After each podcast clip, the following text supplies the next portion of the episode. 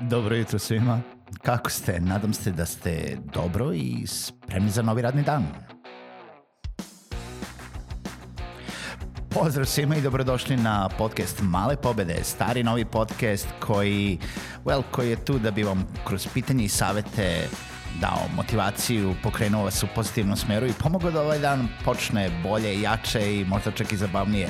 Moje ime je Željko Crnjaković.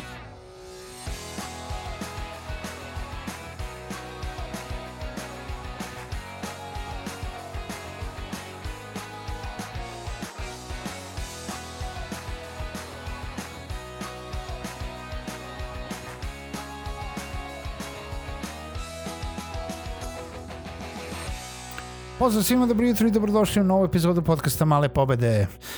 Moje ime je Željko Crnjaković, kao što je uvod rekao i želim vam poželim dobrodošlicu i zahvalnost što ste i ovu epizodu sa ovim podcastom i što nas slušate svaki radni dan. Nemojte zaboraviti da se subscribe-ujete na bilo koje podcast platformi ili aplikaciji koju koristite na mobilnim uređajima samo pronalaskom podcasta Male pobede i da dobijete notifikacije o svakoj novoj epizodi. Nebitno da li koristite iTunes, Spotify, Google Podcasts, eh, šta god SoundCloud, sve. Svuda smo. A, ukoliko želite da mi pišete, možete to uraditi na mail malepobede.gmail.com i da vas danas pitam kada ste se zadnji put ponovili, kada ste zadnji put kupili sebi nešto i koliko ste para potrošili na to, da li ste bili dovoljno bogati ili ste a, nešto siromašniji a, od ostalih, u stvari da li ste dovoljno bogati da kupujete jeftine stvari. Kada to kažem, to je jedna izreka koju sam čuo od uh, pa, od nekoliko ljudi, ali i od jednog mog dobrog prijatelja koji je uvek govorio nisam dovoljno bogat uh, da kupujem jeftine stvari, a verujte mi, uh, prijatelj koga sam to čuo definitivno uh, je, pa, u, u, da kažemo da je u nekom regionalnom ranku uh, niže srednje klase. Uh, u smislu ima taj prosek plate uh, koji, koji se kao kaže na, na TV-u i lokalnim dnevnicima, ništa specijalno i da, da kažemo da nisu uh, neki uh, kućni budžeti mnogo veći od proseka jedne i po ovaj, prosečne plate, tako da uh, nije tu ni onaj minimalac, nije tu ni ništa posebno u IT-u što bi ljudi pomislili da, da o čemu ovde pričamo i generalno kome se obraćamo, ali jednostavno to važi za sve. Da li ste dovoljno bogati da kupujete jeftine stvari? Zašto, zašto to on kaže? Zašto jednostavno kada trošite pare na nešto što uh, je jeftino, kada tražite nešto na budžet, ljudi često, često, ne uvek, dolaze do toga da kupuju stvari koje nisu kvalitetne, da kupuju stvari koje jednostavno ne da nisu proverene, nego su ispod proseka, koje se često kvare, koje se lome mnogo češće nego one koji koštaju možda duplo, od onoga što bi trebalo sada da platite, ali koji će trajati sledećih mnogo, mnogo godina. I ja ću vam reći sad primer i uopšte se neću bazirati na neku najnoviju tehnologiju, jer u najnovije tehnologiji možemo da pričamo da je sve skupo i ono što je jeftino je skupo za nekoga.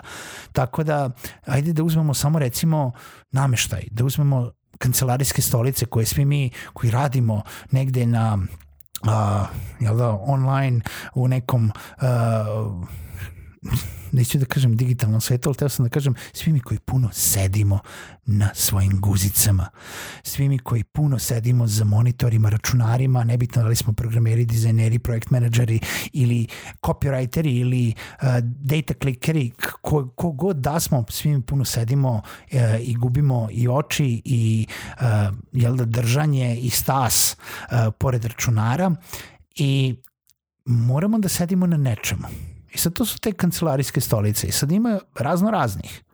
Ja vam mogu reći, ja nisam mali čovek, onaj ko, ko god me zna, imam preko i to dosta preko 100 kila. Nećemo da kažemo koliko, ovaj ne pita se dama za godine, ne pita se debel muškarac za kilažu, ovaj ali imam preko 100 kila. I stolice koje sam kupovao godinama unazad nisu bile posebno jeftine, ali su bile jeftine.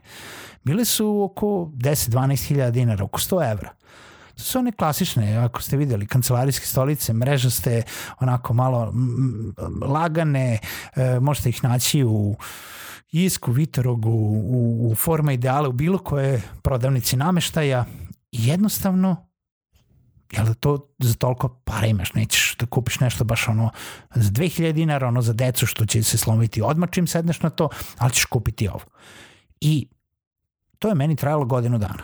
Sva ka stolica koju sam kupio za 100 evra za godinu dana tu negde klikne, pukne, savije se, nešto se desi E, dok jednom dana nisam skontao da ću ja ovo da radim mnogo godina. Ja ću ovo da sedim ispred ovih računara mnogo godina. I da jednom ću da kupim jednu stolicu koja će da mi traje. Ima jel da, ima skupih stolica od 100 evra, ali nikad nisam hteo da trošim stolica je. Zašto bi trošio na stolicu više od 100 evra? Zašto bi trošio i 100 evra na stolicu, sad bi neko rekao. Pa zato što sedim non stop na njoj, sedim 8 ili 10 sati na njoj. Onda sam jednom otišao i kupio stolicu koja je koštala 2-3 puta više od toga. I mogu vam reći, prošle 4 godine i ta stolica se nije slomila. Ta stolica i dan danas funkcioniše i ima držanje i nosi sve ono što ovaj, joj je sad trenutni kupac uh, podario. Nosi me. Da li se to isplatilo? Pa jeste, zato što ja već četiri godine nisam trošio 100 evra svake godine, nego sam potrošio jednom uh, tri uh, puta veći iznos i kupio stolicu koja može da istreje. Razumete me što hoću da kažem? To isto važi za uh, tehniku, tehnologiju, uh, pametne satove, za ono što možete da nađete na buvljaku ili za ono što možete da nađete u prodavnici. Ja sad ne kažem da je svaka brendirana prodavnica vaše mesto gde treba da odete i da kupite nešto zato što je brend. Ne. Treba da istražite šta je taj proizvod. Nema više proizvoda koji je tako na, nov na tržištu da ga niko pre vas nije probao. Ima gomila ljudi pre vas koji su probali neki proizvod. Ne morate vi da budete u onim Mislim, ajde da, da budemo realni. Niste svi baby boomeri, uh, u stvari, pardon, ne baby boomeri, nego oni early adopteri, uh, da možete da to jest da morate da imate najnoviju tehnologiju prvi. Možda neki jesu, ali većina nije. A i da jeste, verujte mi, Srbija je toliko u zaustatku da svi mi ovde koji slušamo, neko u svetu je to već probao. I to negde u svetu postoji već dve, tri godine. Tako da i naši early adopteri više nisu early adopteri, tako da možemo da budemo kompletno mirni što se toga tiče. Tako da, lepo, YouTube ima svaki proizvod, ima svoj review i nekoliko toga.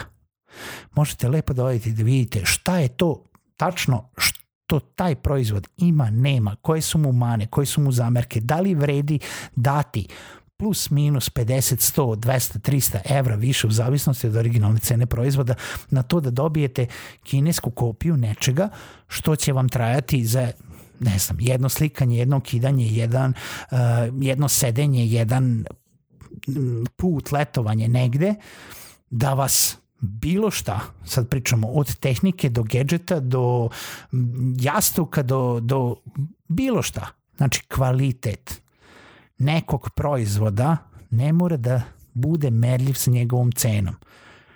Nemojte da kupujete najjeftinije stvari. Nemojte da kupujete ni najskuplje stvari, jer nisu ni one najbolje, zašto najskuplje stvari su najčešće proizvod nekog brenda, nekog naduvanog imena koji je uglavnom stavio takvu cenu zato što mu se može gledajte nešto između, gledajte nešto što odgovara vašim potrebama, ali nemojte da kupujete najjeftinije. Jer niste dovoljno bogati da kupujete najjeftinije. Ono što će propasti, ono što ćete baciti ili ono što će biti zastarelo za dva meseca, možemo da pričamo i o kolima, isto svaži. Nemojte da kupujete najjeftinije ići ćete više kod majstora nego sa bilo kojim drugim autom. Dajte 1000, 2000 evra više i dobit ćete pouzdaniji auto i onda ćete biti mirniji mnogo duže vremena. Mnogo duže vremena. Bože, kako sam završio sa nekom glupošću. E, čujemo se u nekoj sledećoj epizodi podcasta Male pobede. Baš sam dosta palamudio u ovoj epizodi. Pozdrav.